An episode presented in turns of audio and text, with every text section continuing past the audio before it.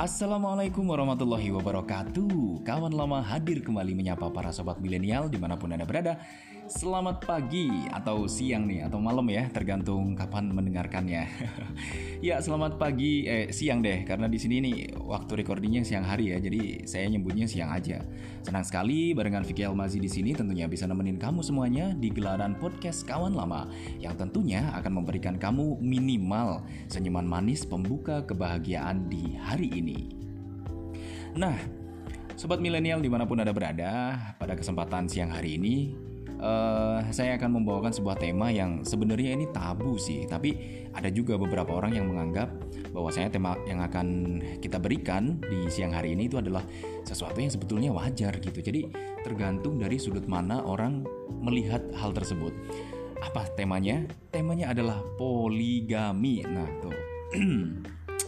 jadi gimana ya? Sebenarnya kurang layak juga. Odo karena saya sendiri juga belum menikah nih. Maka ketika ngomongin poligami satu aja belum dapat gitu gimana ngomongin poligami coba. Tapi nggak apa-apa yang namanya kita mendiskusikan sesuatu kita tidak harus menjadi salah satu pelaku dari uh, hal tersebut ya. Sebetulnya uh, isu poligami itu ada pasang surutnya di negeri ini itu, terutama di Indonesia kan. Bergantung kepada siapa yang melakukan dan siapa yang mempublikasikan.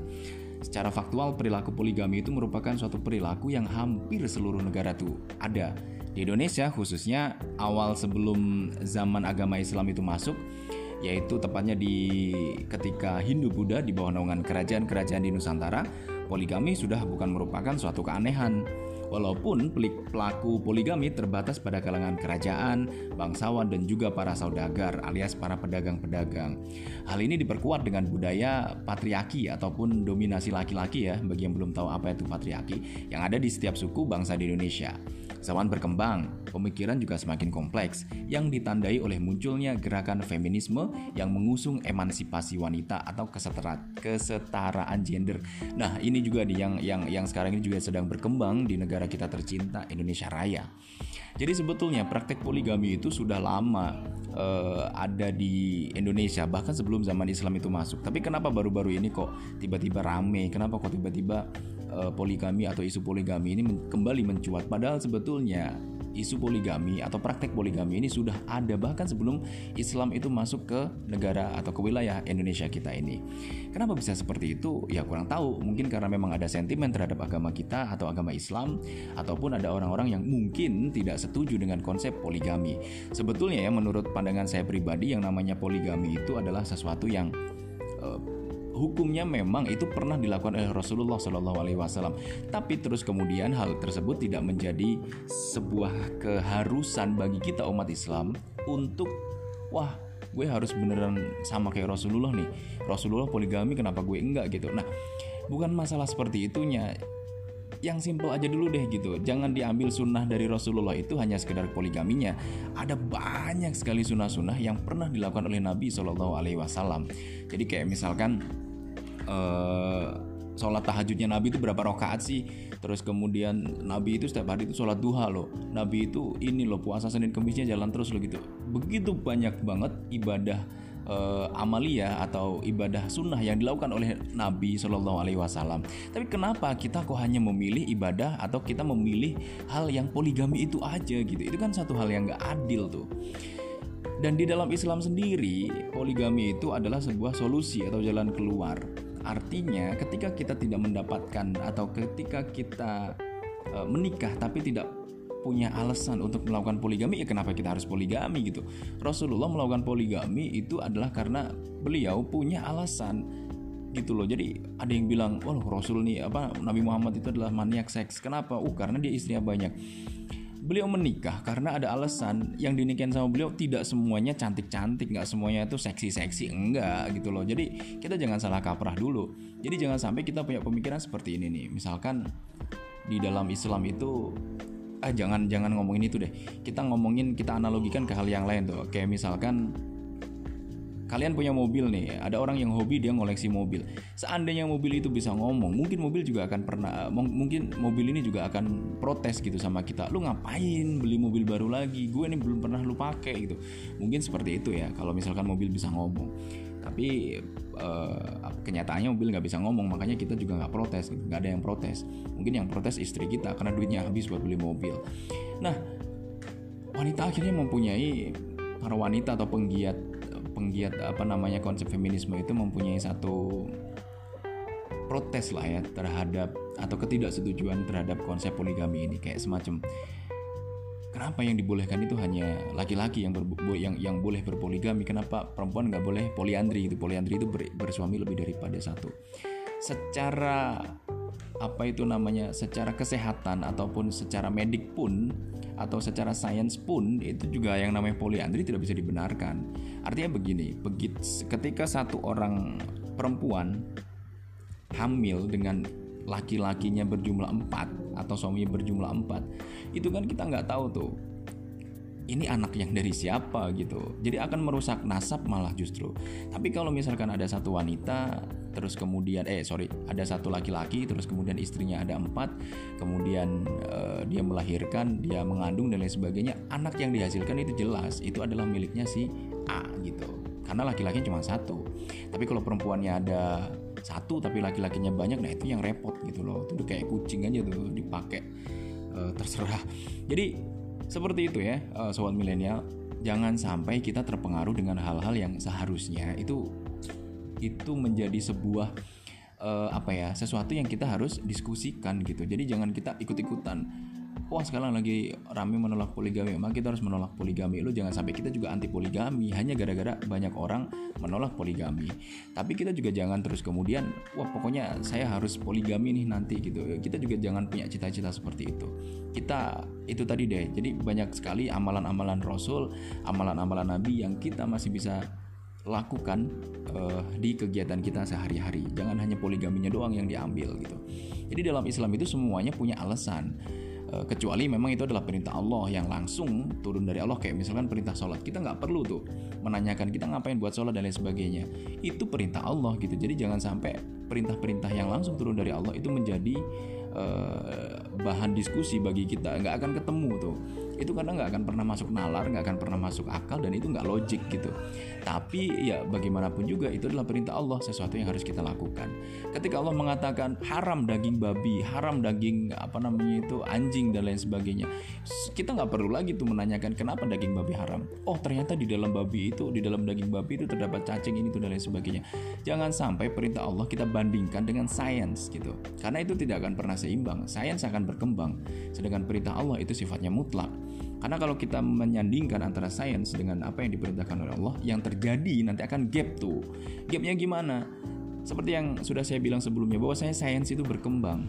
Sains berkembang artinya kalau misalkan suatu saat nanti ada sebuah teknologi yang bisa membuat daging babi atau cacing yang ada di daging babi itu menjadi menjadi sehat gitu cacingnya bisa kita bunuh dengan teknologi tersebut apakah terus kemudian daging babi menjadi halal kan nggak juga gitu jadi jangan sampai kita meng, apa namanya membanding-bandingkan hukum yang sudah menjadi ketetapan Allah itu dengan sains gitu.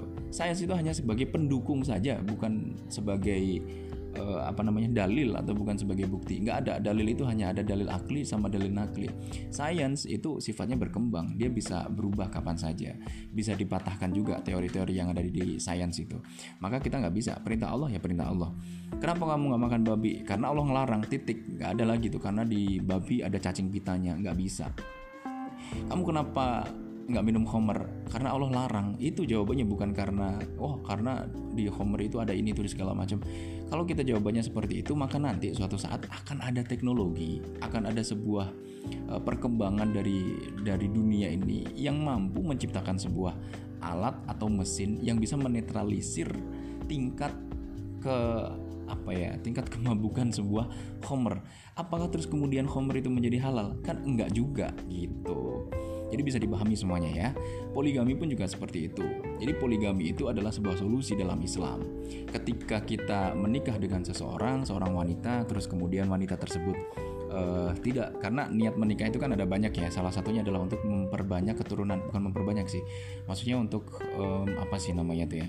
Ya artinya kita um, melanjutkan lah, melanjutkan keturunan gitu. Nah, ternyata istri kita mempunyai bukan kelainan mempunyai sesuatu yang akhirnya membuat dia tidak bisa mengandung atau hamil. Nah, Islam punya tuh caranya. Islam punya tuh solusinya. Apa? Menikahlah lagi dengan syarat kamu juga harus adil. Adil dalam artian kamu bisa adil dalam segi nafkah batin dan juga nafkah lahirnya. Jangan hanya adil wah satu minggu di tempat si A satu minggu kemudian di tempat si B dan lain sebagainya. Itu adil menurut waktu tapi tidak adil juga menurut perasaan. Sama si A sayang banget sama si B nggak saya nggak begitu sayang. Itu juga salah. Jadi adil yang ada di sini tuh penjelasannya penafsirannya banyak. Nanti deh kita akan adakan kajian tafsir tentang mengenai al adalah itu. Mengenai keadilan itu seperti apa sih? Adil yang dimaksud dalam Islam itu seperti apa? Nanti kita akan belajar banyak kita akan kupas tuntas tentang masalah itu. Nah kita kembali lagi ke masalah poligami solusinya itu gitu. Jadi ketika kita tidak punya alasan untuk berpoligami, kita tidak punya alasan untuk menikah lagi, maka tidak perlu melakukan itu. Gitu loh. Ngapain aja satu aja repot tuh ngurusnya.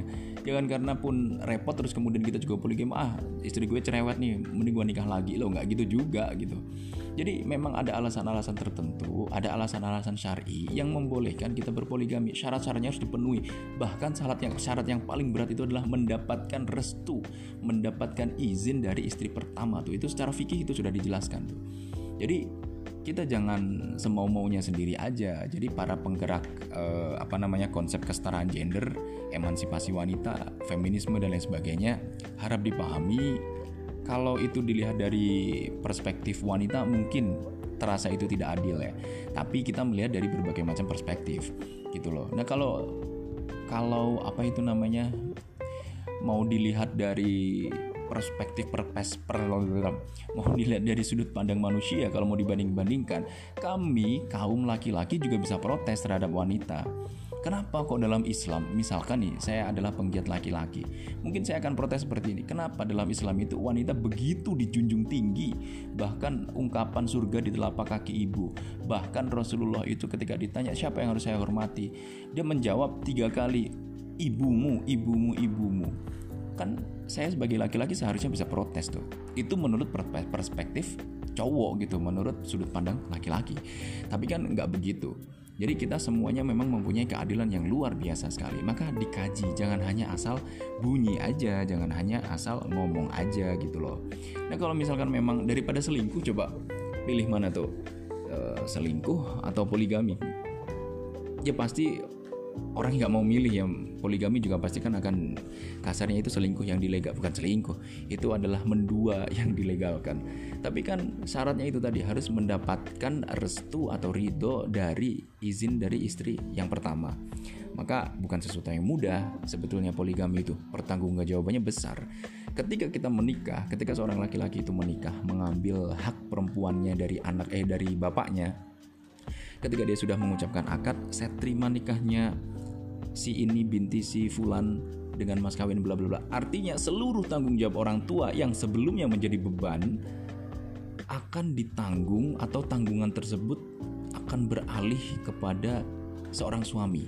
Itu baru satu istri loh ya. Gimana? Bayangin kalau misalkan istri ada dua misalkan istri ada tiga istri ada empat dan lain sebagainya. Jadi ketika si istri itu melakukan sebuah tindakan atau melakukan sebuah kesalahan, maka suami akan dimintai pertanggungjawabannya kelak.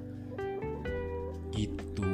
Jadi ayolah kita mulai berpikiran terbuka. Kalau orang berpendapat ya kita harus berpikiran terbuka ini itu segala macam lah kita ini sekarang berpikiran terbuka maka kita membuka banget forum-forum diskusi forum-forum yang bisa kita jadikan uh, untuk menambah wawasan kita sehingga kita bisa tidak tertutup atau tidak menutup mata pada satu hal yang kita anggap itu adalah tabu yang kita anggap itu adalah sebuah kontroversial atau sebuah kontroversi atau itu menjadi sebuah kontroversial gitu ya. Hah, capek juga ngomong sendiri karena tidak ada lawan main di siang hari ini. Insya Allah nanti malam hari atau kapan waktu saya akan mencari partner untuk membicarakan lebih dalam lagi tentang poligami ini seperti apa.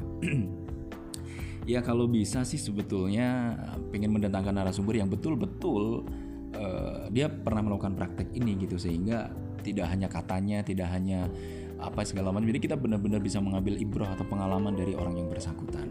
Tapi ya nggak apa-apa karena di sini nggak ada yang poligami juga. Bahkan sekitar saya sendiri juga banyak yang belum menikah, bahkan 90% mungkin belum menikah.